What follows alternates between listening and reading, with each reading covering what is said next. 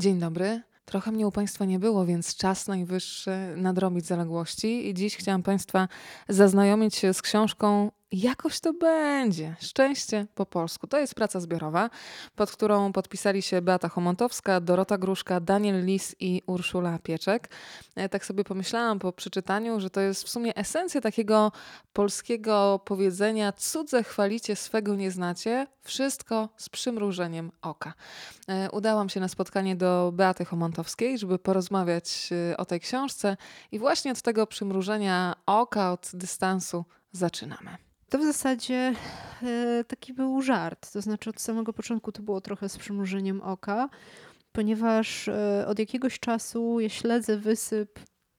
Nawet pisałam kiedyś do Tygodnika Powszechnego taki tekst o różnych francuskich e, książkach, to znaczy książkach pisanych przez Amerykanki, które fascynują się francuskim stylem życia i zachwycają tym, że można, nie wiem, pójść e, pieszo albo pojechać rowerem na targ, e, kupić tam warzywa normalnie, że nie trzeba mieć szafy wielkiej na cały pokój, tylko mniej tych rzeczy, no jakiś taki ta Francja jest dla nich takim uosobieniem e, europejskiego stylu życia.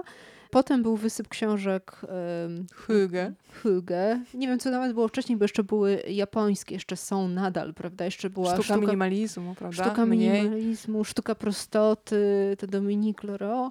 I to wszystko była taka reakcja na przesycenie konsumpcją i też trochę na ten kryzys, y, który bardzo wtedy uderzył w Stany Zjednoczone, bo to było kilka lat temu, kryzys finansowy i ludzie zaczęli szukać jakichś sposobów na szczęście, na to jak y, właśnie wrócić do takiej prostoty. Wtedy się zaczął też trend na minimalizm. E, no i się zaczęły pojawiać te książki, tylko że mnie to strasznie bawiło, ponieważ e, te książki w Stanach rozumiem, że odbiorcy mogą rzeczywiście tam znaleźć w nich coś, y, coś y, nowego. Y, natomiast no jeżeli czyta się to z perspektywy polskiej i przetłumaczono taką książkę na polski, gdzie czytamy jako objawienie to, że można pójść właśnie na targ albo jeździć po mieście rowerem. Albo kupić kocy, się nim przykryć, otulić i do tego świecę i nagle jest hygge wszystko. Tak, dokładnie. No to zaczęłam sobie, i to parę razy tak myślałam, jakby wyglądała taka książka, gdyby dokładnie w taki sam sposób opisać e, nasze cechy i przedstawić światu to, co my mamy i co często zachwyca obcokrajowców. Ja tutaj trzymam kota, Właśnie który... chciałam powiedzieć, że jest razem z nami Gacek. Piękny, rudo-biały kot, bardzo zainteresowany i książką, i mikrofonem, ale chyba najbardziej to ciastkiem. Chociaż teraz mikrofon chyba bardziej przykuł uwagę. Może coś powie. On też jest bardzo hyga taki, prawda? No tak, on jest taki... Do przytulania. Tak, on się mm, sprawdza też w warunkach zimowych właśnie jako ocieplacz. E, może coś powie, zobaczymy. Natomiast... Czekam aż przemówi. Natomiast właśnie e, właśnie było tak, że próbowałam na to spojrzeć, bo te wszystkie książki są z reguły pisane przez obcokrajowców, których zachwyciła jakaś kultura, spojrzeć na nas, Polaków, też okiem trochę zewnętrznym.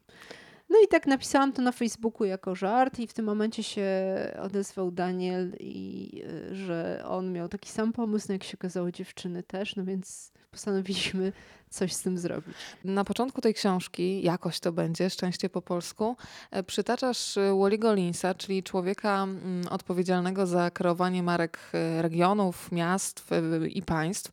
I on zwrócił uwagę na to, że ta wyrazistość Polaków, energia, jaką mamy w sobie, bierze się ze sprzeczności. To poproszę o rozwinięcie tego wątku sprzeczności. Ja śledziłam dość mocno, to już było kilka lat temu, kiedy nasi eksperci od promocji zatrudnili e, Wally Olinsa, on już niestety nie żyje, do wymyślenia polskiej marki i hasła promocyjnego Polski. I wtedy wydało mi się, że on dokładnie trafił w sedno. To, jak on zdefiniował to hasło, ten nasz, naszą specyfikę, to jest e, creative tension, czyli twórcze napięcie. To było nasze też jedno z pierwszych spostrzeżeń i wtedy sobie tego Olinsa przypomniałam, że jak zaczęliśmy myśleć, jak, jacy my jesteśmy. Oczywiście to wszystko, jak mówię, z przymrużeniem oka, e, bez jakiegoś patosu i e, bez silenia się na naukowość. Tak, bez silenia Żartujecie się... sobie bezkarnie z amerykańskich naukowców na przykład. Tak, no bo też wszystko to, wszystkie te książki są w jakiś sposób trochę stereotypizacją i uproszczeniem, no ale taka, taka to jest konwencja. I y, to zaczęliśmy się zastanawiać, jacy my jesteśmy i okazało się, że tak naprawdę my jesteśmy bardzo różnorodni i bardzo podzieleni. Nie można wydestylować z tego jakiegoś jednego przeciętnego Polaka i że to pęknięcie, które się ujawnia na różnych poziomach, ostatnio też politycznym, bardzo silnie, no, że ono jest yy, właśnie, ono jest naszą taką charakterystyczną cechą, a ponieważ przyjęliśmy też takie założenie, że na nasze cechy patrzymy się, na wszystko można spojrzeć z dwóch stron, więc my tutaj przyjmujemy podejście szklanki do połowy pełnej. To też jest nasza wartość bardzo silna. To jest to, że na przykład Polska jest y, złożona z bardzo różnych elementów. To wystarczy przejechać się od morza do gór, żeby zobaczyć, y, jak, jak różnorodny to jest kraj. Nie jesteśmy monolitem. Rozwijała się przez długi czas. To nasza tam ostatnia historia też w granicach trzech zaborów i te różnice ciągle widać.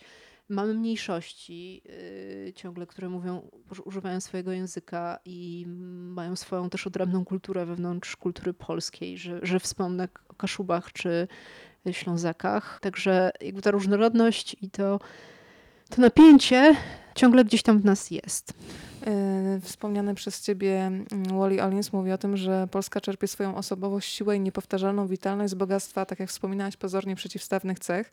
Jest częścią Zachodu, ale rozumie również Wschód. Polacy są pełni pasji i idealistyczni, ale także praktyczni i zaradni. Polski charakter cechuje ambicje, ale też praktyczna przyziemność. Te napięcia wyzwalają niepokój, który nie pozwala zadowolić się stanem istniejącym, a także kipiącą energię, która zawsze pobudza do działania. Bardzo podoba mi się hasło przewodnie jakoś to będzie. E, faktycznie, że mam wrażenie, że to jest tekst, który nas ratuje w wielu sytuacjach, to zacznijmy też od wątku specyficznego poczucia humoru Polaków. Szydera. Pojawia się takie słowo.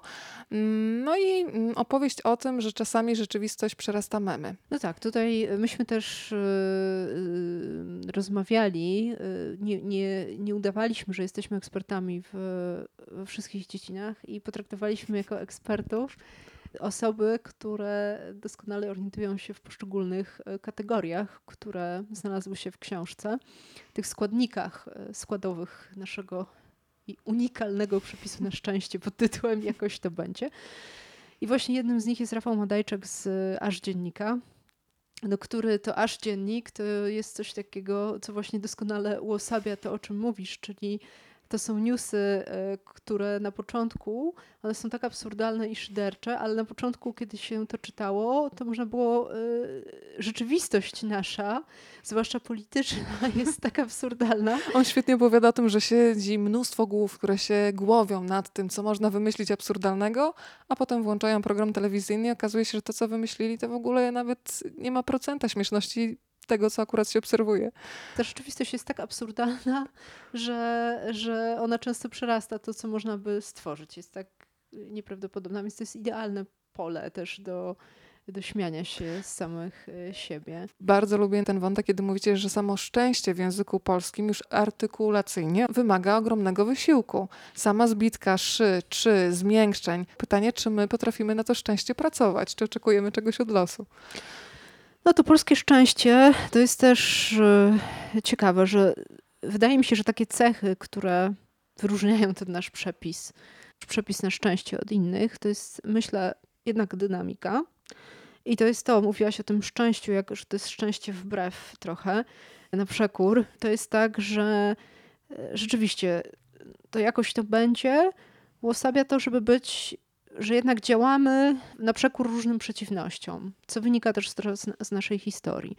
Dynamika, no to dlatego, że no jak to porównamy do tego właśnie Hugo, to, to jednak jest bardzo taki takie usypiające. Mm, oczywiście gratulacje dla Duńczyków, dla, dla, kogoś, kto to wymyślił i, i pierwszy wypromował. Ale dzisiaj też rozmawiałam z dziewczyną, która zna Danię i też powiedziała, że to są specjaliści fantastyczni od marketingu, ale kiedy się przyjrzy człowiek badaniom, na przykład skłonnością depresyjnym, samobójstwom właśnie w Danii, to rzeczywistość już nie jest taka kolorowa, czyli faktycznie można wykreować modę na hygę, spokój, taką stabilność, a nie do końca tak to wszystko wygląda. Zgadza się. No my też odkryliśmy to z zadziwieniem, że w statystykach my jesteśmy bardzo szczęśliwi. To znaczy deklarujemy poczucie szczęścia. Tam ponad, Ponad 80. 83% i mnie Mhm. zdziwiło, że za nami są Włosi, Hiszpanie, Portugalczycy i Grecy. Ale my mamy też na to swoją teorię. Ona jest taka, że my lubimy narzekać. Znaczy to też jest to szczęście. To jest też coś takiego, kiedy myślimy o nas Polakach, że pierwsza rzecz, jaka przychodzi do głowy, że narzekamy. Kiedy Amerykanie... Stara bieda, co u ciebie słychać. No właśnie, to otwierające takie zapytanie, jak się masz, co słychać? W, w krajach anglosaskich to jest zawsze, że jest super, dzięki i uśmiech, a u nas jest natychmiast jakieś, coś jest nie tak. I że to, e, to nasza teoria jest taka, że to ma walor terapeutyczny po prostu, yy, ponieważ jak sobie tak ponarzekamy na otwarcie, wyrzucamy z siebie te złe emocje, zaraz ktoś też, rozmówca też coś znajdzie, też się tym podzieli i już jest dobrze. I, ale też jest o czym porozmawiać. To nie jest, e, to narzekanie też jest takim e, pretekstem do nawiązania, może być pretekstem do nawiązania głębszego kontaktu, no bo jakżeż inaczej nic tak nie łączy ludzi, jak jakieś e, świadomość, że świat jest pełen porażek i można sobie o tym poopowiadać. Więc Słuchaj, tak patrzę cały czas na Gacka. Muszę Państwu powiedzieć, szkoda, że Państwo tego nie widzą, powiem językiem komentatorów sportowych, bo Gacek sobie właśnie zasnął przy mikrofonie, nawet na kablu sobie leży i pomyślałam, że gdyby on potrafił pisać, to ten wsad kolejny byłby do książki, bo to jest absolutny specjalista od poczucia szczęścia. Zawinął się w kłębek i myślę, że jak na niego patrzę, że jest wybitnie szczęśliwy. No tak, polski kot. Bardzo lubię też rozdział Ułańska Fantazja, między innymi dlatego, że pojawia się tam Olek Doba. Ja po spotkaniu z Olkiem Mhm. zawsze się zastanawiam, kto jest młodszy, on czy ja, e, ponieważ jego młodość, jego energia jest czymś, czym można się zarazić. Przypomnę tym, którzy Olka jeszcze być może nie poznali, że to jest człowiek, który przepłynął kajakiem przez Atlantyk, ale bardzo też lubię taką łańską fantazję w wersji codziennej i o niej opowiada Olga Drenda, powiedzmy, e, bo chyba każdy się może odnaleźć w takiej fantazji ułańskiej na co dzień. No tak, to że rzeczywiście y, nie jesteśmy tacy przesadnie ostrożni. No tak, ja obcuję z tym na co dzień na ścieżkach rowerowych. Widzę naprawdę łańską fantazję, y, bez świateł, bez niczego. To jest y, chyba też taka nasza cecha wynikająca, bo akurat pan Doba jest przykładem trochę innowatora, takiej odwagi, na którą sobie rzadko mogą pozwolić ludzie, jakby ze społeczeństw, które są takie syte i uśpione. Myślę, że to, co nas popycha ciągle do jakiegoś działania, to jest też takie, Niedosyt przy- i brak, prawda? tak, że, to, że my potrzebujemy też jakichś takich emocji, bo też mieliśmy takie przejścia, że to tak wyglądało, no niestety, że po prostu co chwilę jakieś zrywy, jakieś szaleństwo takie. I to szaleństwo oczywiście może być bardzo destrukcyjne, jak się rzuca człowiek na barykady, ale jeżeli ma coś wynaleźć, jeżeli ma coś skombinować, tutaj Adam Słodowy też mi przychodzi do głowy, czy właśnie, nie wiem, zdobyć jakiś szczyt, y, to się znakomicie przydaje, bo to jest takie myślenie Inni sobie mnożą od razu jakieś y, zapory bezpieczeństwa, myślą, co tam muszą zrobić, a czasem taki desperat po prostu widzi tylko przed sobą ten cel i, i dąży do niego. I, i wtedy, wtedy to nam się udaje, a nie innym. Tak, tak bardzo lubię, jak. Olga Drenda mówi wprost, że ona z kolei bardzo często eksperymentuje z łańską fantazją, po prostu wieszając firanki. Ma świadomość, że za chwilę może spaść z tego parapetu, ale to ją wcale nie powstrzymuje. Ale powiedziała jedno ważne zdanie, że ta nasza łańska fantazja jest y, taką trochę szczepionką przeciwko dyktatorskiemu maszerowaniu w równym rządku. Ja sobie to bardzo cenię, że ktoś może powiedzieć nie, zaryzykować, ale pójść swoją drogą. Tak, no to jest taki, taki indywidualizm też w nas silny. W opozycji się definiowaliśmy bardzo długo do państwa, to znaczy do, państwo było, było jakimś zewnętrznym, zewnętrzną opresją. I to nie było tak, że państwo to społeczność, więc robiliśmy wszystko na przekór, prawda? Oszukiwaliśmy okupanta, kombinowaliśmy z zaborcą. I myślę, że to też jakoś w nas tkwi, bo naprawdę odróżnia nas to zdecydowanie od y, właśnie krajów skandynawskich, gdzie mamy tę tendencję do tego, że wszyscy są to prawo jante, gdzie wszyscy muszą być tacy sami i nie wybijać się z szeregu, bo to jest bardzo źle widziane, chyba że ktoś jest artystą, jakimś ekscentrykiem. To samo jest zresztą właśnie w Holandii, że trzeba jednak, nawet to widać w tamtejszej architekturze, wszystkie domy są takie same, można się odróżniać co najwyżej tym, co się tam w oknie sobie powystawia. U nas y, nie przeszłoby coś takiego. Oczywiście straszne są niektóre y, fantazje Polaków o dworze polskim i tak dalej, ale widać od razu różnicę, jak się przejedzie przez y, kraj i widać każdy dom i jest jakoś tam inny, prawda? Wiesz, co mnie zaskoczyło? Nie wiedziałam, że aż tyle osób w Polsce deklaruje, że chciałoby prowadzić własną działalność gospodarczą. Średnia unijna to jest około 48%, a w Polsce 65% deklaruje, że chciałoby faktycznie być na swoim. Kolejny dowód na ten indywidualizm, że trudno nam się pracuje w grupie. Mhm.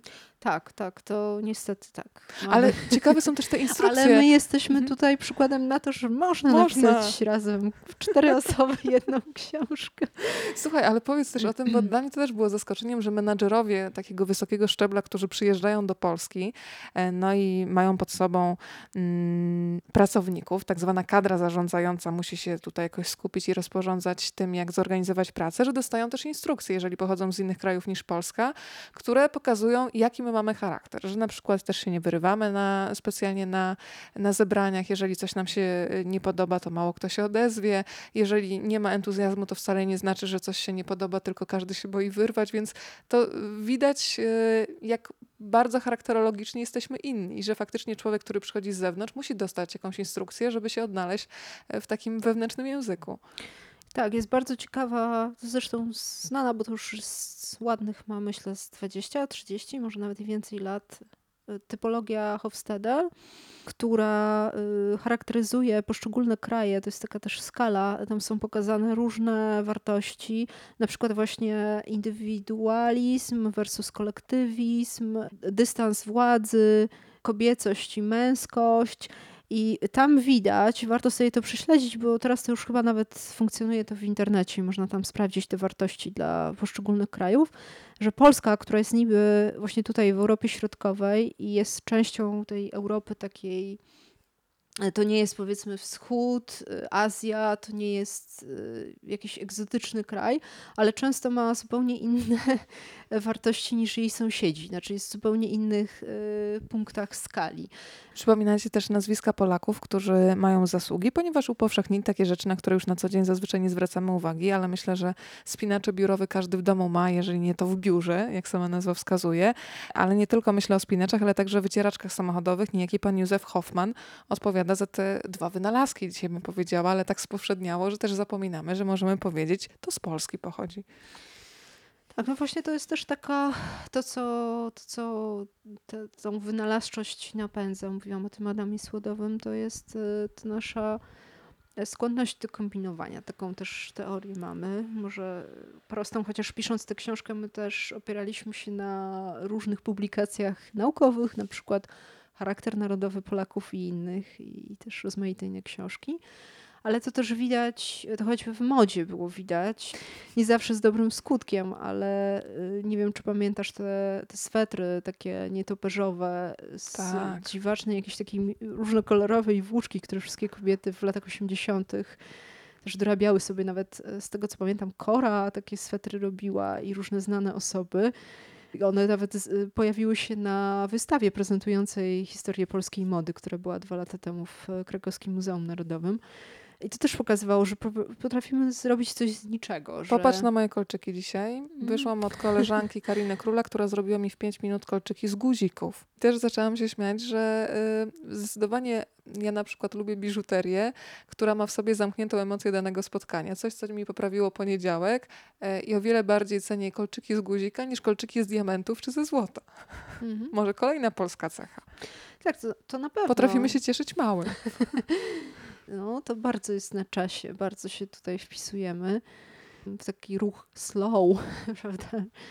Modę na proste życie i cieszenie się chwilą i życie w teraźniejszości jako antidotum na takie zabieganie korporacyjne, wyścig szczurów. Yy, natomiast ta nasza taka, to, to kombinatorstwo, to też się śmiejemy, że yy, gdyby teraz przyszedł jakiś Armagedon odpukać, ale czasy są trudne, nie wiem, jakiś globalne wyłączenie sieci albo awaria prądu albo coś, e, to Polacy chyba by sobie poradzili znacznie lepiej niż e, inne, bardziej zaawansowane nawet technologicznie społeczeństwa, bo po prostu zaraz zaczęliby kombinować i coś by z tego sznurka ukręcili. Czasami nawet rozwój nam przeszkadza, bo wspominacie przecież słynnego Fiata 126P przy okazji historii z Tomem Hanksem, e, że wiele osób jeszcze pamięta, jak można było rozłożyć na części tego malucha. Jeżeli padł pasek klinowy, to można było jakoś się poratować damską pończochą, a dzisiaj ta elektronika powoduje, że jeżeli coś się psuje, to jesteśmy trochę bezradni. A to, co było proste, dawało też szansę na to, żeby to jako, jakoś naprawić i jakoś to było. Słuchaj, no właśnie przypomniałam sobie dzisiaj, yy, był taki program Telewizja Młodych Kosmonautów, tam gdzie po raz pierwszy też nadawano załogę G. Mhm. I tam właśnie ten Słodowy pokazywał, jak yy, hełm kosmiczny zrobić e, z dwóch misek plastikowych. Można. Które... NASA, szkoda, że nie oglądała tego odcinka. Otwory na oczy. I. Więc nawet w kosmos y, można było. Tak sobie pomyślałam, że jakoś to będzie. To jest książka, która jest taką synergią dobrych energii. Ludzi z różnych stron, z różnych branż, z różnych światów, którzy opowiadają o swoim sposobie na szczęście, dzielą się swoimi obserwacjami. Wspomniałyśmy już o tym, że pojawia się tutaj Aleksander y, Doba, jest y, Czesław Mozil, Jurek Owsiak. Kto jeszcze opowiada o swoich spostrzeżeniach dotyczących polskości? Jest Wojciech Mann, który też ma taką rodzinę, rodzinę rozrzuconą po całej Polsce, więc też ma bardzo ciekawe spostrzeżenia. Jest Joanna Bojańczyk, która e, z kolei ma spojrzenie podwójne, bo ma też korzenie, ma też rodzinę we Francji, bardzo często tam jeździ, opowiada o polskiej modzie, więc też trochę z wewnątrz, ale i z zewnątrz. Jest Anna Pięta, współtwórczyni e, Hash Warsaw, zajmująca się promocją e, polskiej mody, e, młodych polskich marek. Jest Marcin Wicha, który opowiada o polskim designie i tym, jak on się zmieniał na przestrzeni lat. Jest Michał Rusinek, który mówi o naszej polszczyźnie. Bardzo lubię Michała Rusinka, opowieść o języku i też bardzo się cieszę, że pojawiła się e, Magda Grzebołkowska, bo ja na przykład nie miałam pojęcia, że w jednym z regionów Polski na szlafrok mówi się porannik. I przysięgam, że po raz pierwszy dowiedziałam się tego z waszej książki. Tak, no na przykład taki stolik przy łóżku, e, ja wiem, że to jest nakaslik. E, to z kolei U mnie też się tak mówiło, z Podkarpacia, tak. No, Polska dokładnie. Podkarpacie, tak. czy szabaśnik, e, określenie na taki piec, w którym się trzyma potrawy w cieple, taka część pieca. No też oczywiście tu mogłybyśmy dyskutować o różnicach między bajglem, preclem i obwarzankiem. Albo sztanglem, nie wiem, czy znasz sztangle. Sztangle nie znam, to nie jest zdecydowanie krakowskie. To z kolei jest taki warszawski paluch, taka podłużna bułka. I pamiętam, jak przyjechałam z Rzeszowa do Warszawy i trzykrotnie poprosiłam o sztangla. Pani zrobiła bardzo dziwną minę, w końcu powiedziała, pani mi palcem pokaże. I ja naprawdę nie rozumiałam, o co chodzi. I wtedy zrozumiałam, że e, tych podziałów regionalnych jest bardzo dużo, ale ja uważam, że to warto pielęgnować wymieniać się. Beata, muszę cię zapytać teraz, bo stworzyliście też taki przewodnik po różnych miejscach w Polsce, do których warto dotrzeć. W którym ty miejscu w Polsce czujesz się najbardziej szczęśliwa? Krótko mówiąc, wypoczywasz i takie miejsce, do którego lubisz wracać. To mnie teraz trochę zaskoczyłaś. Ja bardzo lubię jeździć nad morze. E, dlatego że jestem z Krakowa, i w, ale też lubię jeździć w góry. jest to, e, to, to, tak właśnie od razu pomyślałam, widzisz, też jest we mnie sprzeczność i rozdarcie, ponieważ tego mi brakowało zawsze, będąc tam, że do morza mam daleko, a mam wrażenie takie i zazdroszczę trochę moim znajomym z, z, z Trójmiasta, że na przykład mogli sobie chodzić na wagary nad morze i że i to jest jakby takie, ta bliskość morza jest fantastyczna, że można zawsze gdzieś dalej uciec. Jest takie poczucie... Ja mam wrażenie, że ci ludzie mają takie większe poczucie przestrzeni, ci, którzy właśnie mhm. przyjeżdżają z nadmorza. Tak, to jest właśnie to, że zawsze gdzieś sobie myślisz, możesz się zaokrętować na jakiś statek i popłynąć dalej i cały świat jest przed tobą otworem. A w Krakowie, który jest piękny, ale jednak jest w takiej niecce też otoczonej e, pagórkami, czasem ma się takie poczucie klaustrofobii, co nie znaczy, że tam nie jest e, fajnie. I tu dodam, że tego w Warszawie brakuje, jest bliżej nad morze, natomiast nie ma już tej możliwości takiej, że wstaje się w sobotę rano i za godzinę, półtorej jest się naprawdę już e, w Tatrach. Razem z Wami można podróżować po Polsce, zatrzymać się w Poznaniu na przykład na fantastyczne rogale, aż zgłodniałam, kiedy o tym myślę. Mamy też Wrocław, gdzie można sobie śladem krasnoludków podążać, ale też jest Gdynia, która okazuje się, że jest najszczęśliwszym miastem w Polsce, jeżeli chodzi o miasta.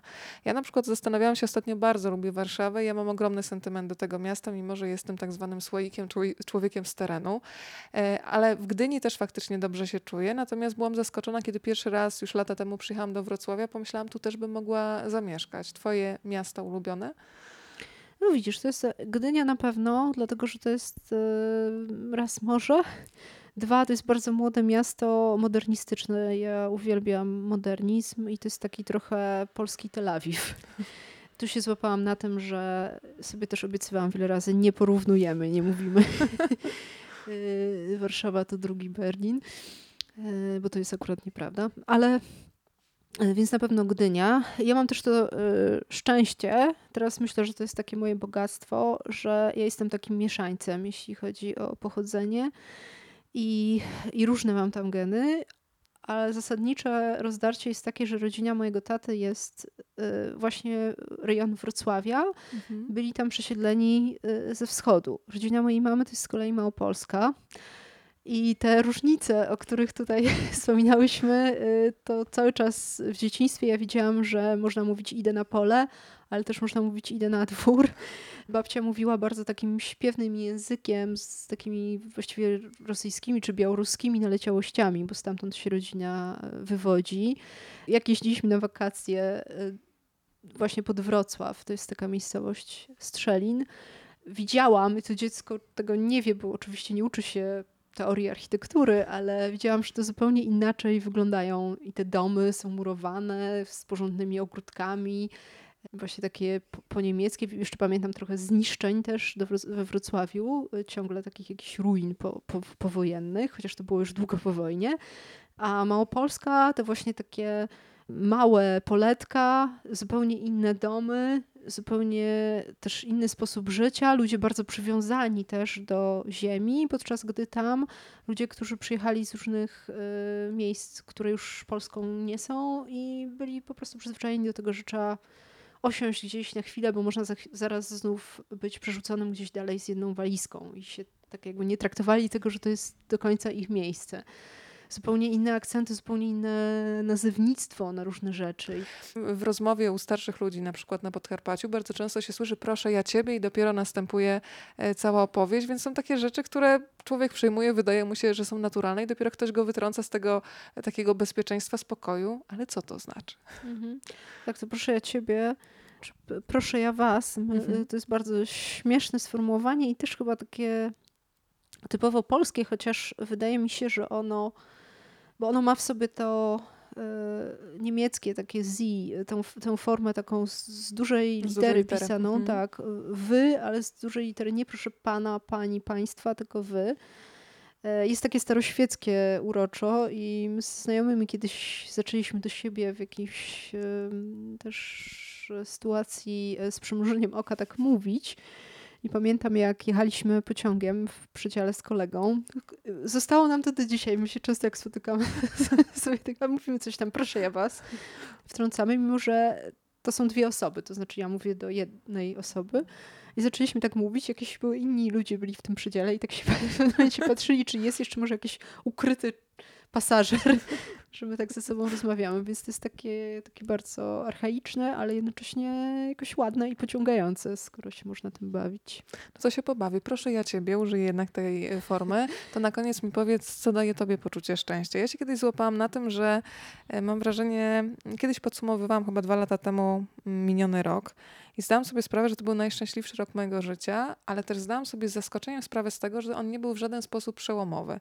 Był tylko bezpieczny, zdrowy, było mnóstwo drobnych rzeczy i stwierdziłam, hej, szczęście to jest ta właśnie umiejętność chyba złapania drobiazgu, bo przez wiele lat wydawało mi się, że to muszą być fajerwerki. A, a po jakimś czasie stwierdziłam, to był najlepszy rok mojego życia i usłyszałam, ale dlaczego? Ja mówię, nawet nie umiem powiedzieć do końca dlaczego. Było bezpiecznie, spokojnie, byłam zdrowa, wystarczy. Mhm.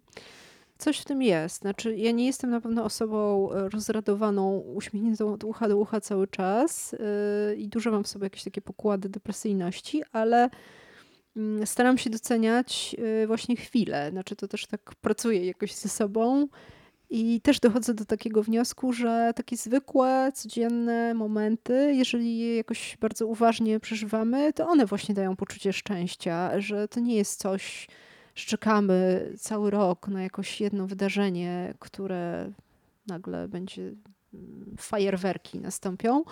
Tylko jeżeli się potrafimy właśnie cieszyć z takich prostych, codziennych rzeczy, to jest od razu lepiej. Znaczy, to mi to pomaga. Powiedziałaś ważne zdanie, że pracujesz nad tym. Ja też sobie uzmysłowiłam jakiś czas temu, że podejście do świata to jest trochę jak z treningiem, że on wymaga powtarzalności i nawracania czasami tych swoich myśli, które mi też czasami schodzą w różne mroczne e, strony.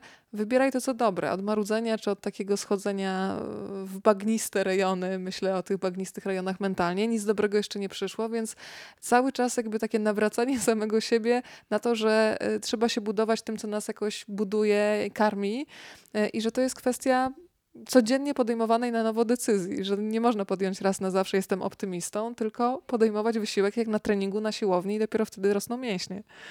To prawda, to prawda. Yy, chyba Urszula Duziak coś takiego kiedyś powiedziała, co mi zapadło w pamięć, że jesteś tym, co, e, co karmisz, to znaczy tym, co w siebie wchłaniasz i, i to, to też gdzieś sobie zawsze przypominam, karcąc siebie samą za to, że jednak ciągle czytam jakieś newsy. To, to jest właśnie też ważne, żeby nie dać się zwariować i znaleźć sobie jakiś. Myślę, że to też wpływa na poczucie szczęścia, e, żeby sobie samemu wybierać, e, czym się otaczasz, e, co oglądasz, czego słuchasz, bo to nie jest wcale teraz wbrew pozorom takie łatwe, bo dużo rzeczy się wciska trochę niechcianych musisz być na bieżąco ze wszystkim naraz. Y, masz ileś tam bodźców, które cię atakują na każdym kroku i non-stop jesteś y, podłączona. Y, I myślę, że mm, odcięcie się od tego, czy też takie selektywne, nie da się odciąć całkiem, ale takie selektywne do tego podchodzenie i skupianie się, najpierw pytanie się, czego ja chcę i do czego mi to jest potrzebne, też pomaga w, w takim poczuciu, poczuciu szczęścia. Kiedy się pojawi kolejna książka? podejrzewam, że coś już jest na warsztacie. Dobre podejrzenia czy nie? Dobre, no jest na warsztacie od dwóch lat de facto i ciężka to sprawa. Ale już mam nadzieję urodzę niebawem, a w przyszłym roku na wiosnę się, się ukaże. A możesz powiedzieć trochę więcej, co to będzie? Mogę, mogę. Mhm. Znaczy to jest coś zupełnie innego niż, e, niż ta nasza bardzo przyjemna książka, jakoś to będzie. To będzie dość sporo objętościowo, już to widzę. Mm, I będzie takim zamknięciem chyba tematów związanych trochę z architekturą miastem, ponieważ jest to książka o doświadczeniu życia na osiedlach z bloków, ale nie tylko w Polsce, w różnych miejscach, w różnym kontekście. Także jeszcze się z tym zmagam.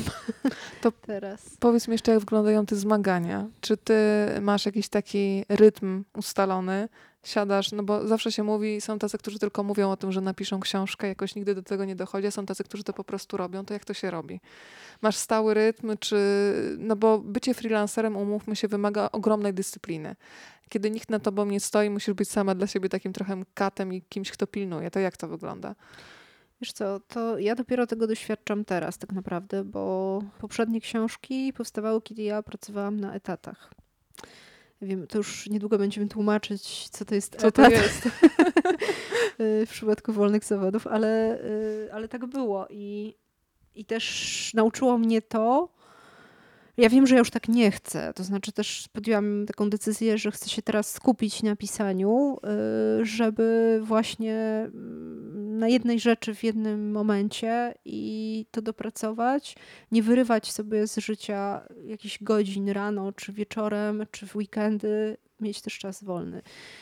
I staram się sobie to jakoś zorganizować. No i znaczy to też nie jest łatwe, chociaż wiem, że to zdecydowanie jest lepiej.